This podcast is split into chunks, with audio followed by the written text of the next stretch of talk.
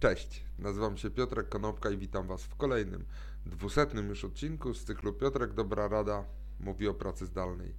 Dzisiaj powiem kilka słów na temat tego, jak zmieniał się rynek e, miejsc pracy, stacjonarne versus zdalne, na przestrzeni ostatnich miesięcy.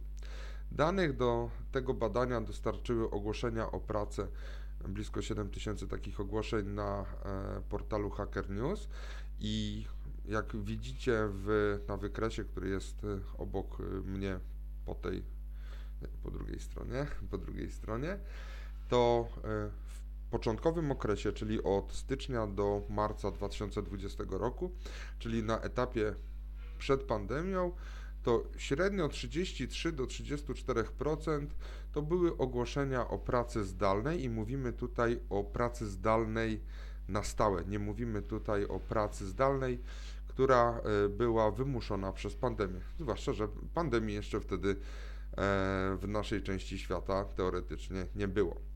W momencie, gdy pandemia się rozhulała i gdy większość firm wstrzymała czy ograniczyła dosyć mocno zatrudnienie, to udział takich stanowisk pracy związanych y, czy możliwych do wykonywania wyłącznie w postaci zdalnej zaczął rosnąć z 34% aż do 54% w lipcu 2020 roku. Później, jak zauważycie, to ten odsetek nadal rośnie, czyli na etapie new normal, czyli tej nowej normalności, do której wszyscy zaczęli się powoli przyzwyczajać, to ten odsetek nadal rósł, czyli z 54% skoczył aż do 68% w listopadzie 2020 roku.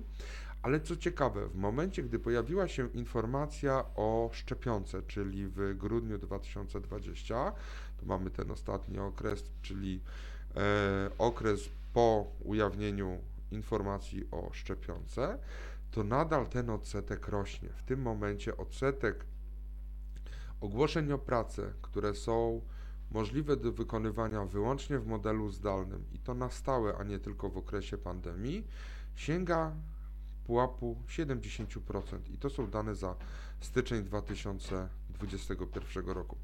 Także jak zmienił się nasz rynek? Zmieniło się to, że z 33% trwale e, możliwych do wykonywania zdalnie stanowisk czy zadań e, w pracy. W tym momencie aż 70% ogłoszeń o pracę są to ogłoszenia na pracę całkowicie zdalną. Dzięki serdeczne, do zobaczenia i usłyszenia jutro. Na razie.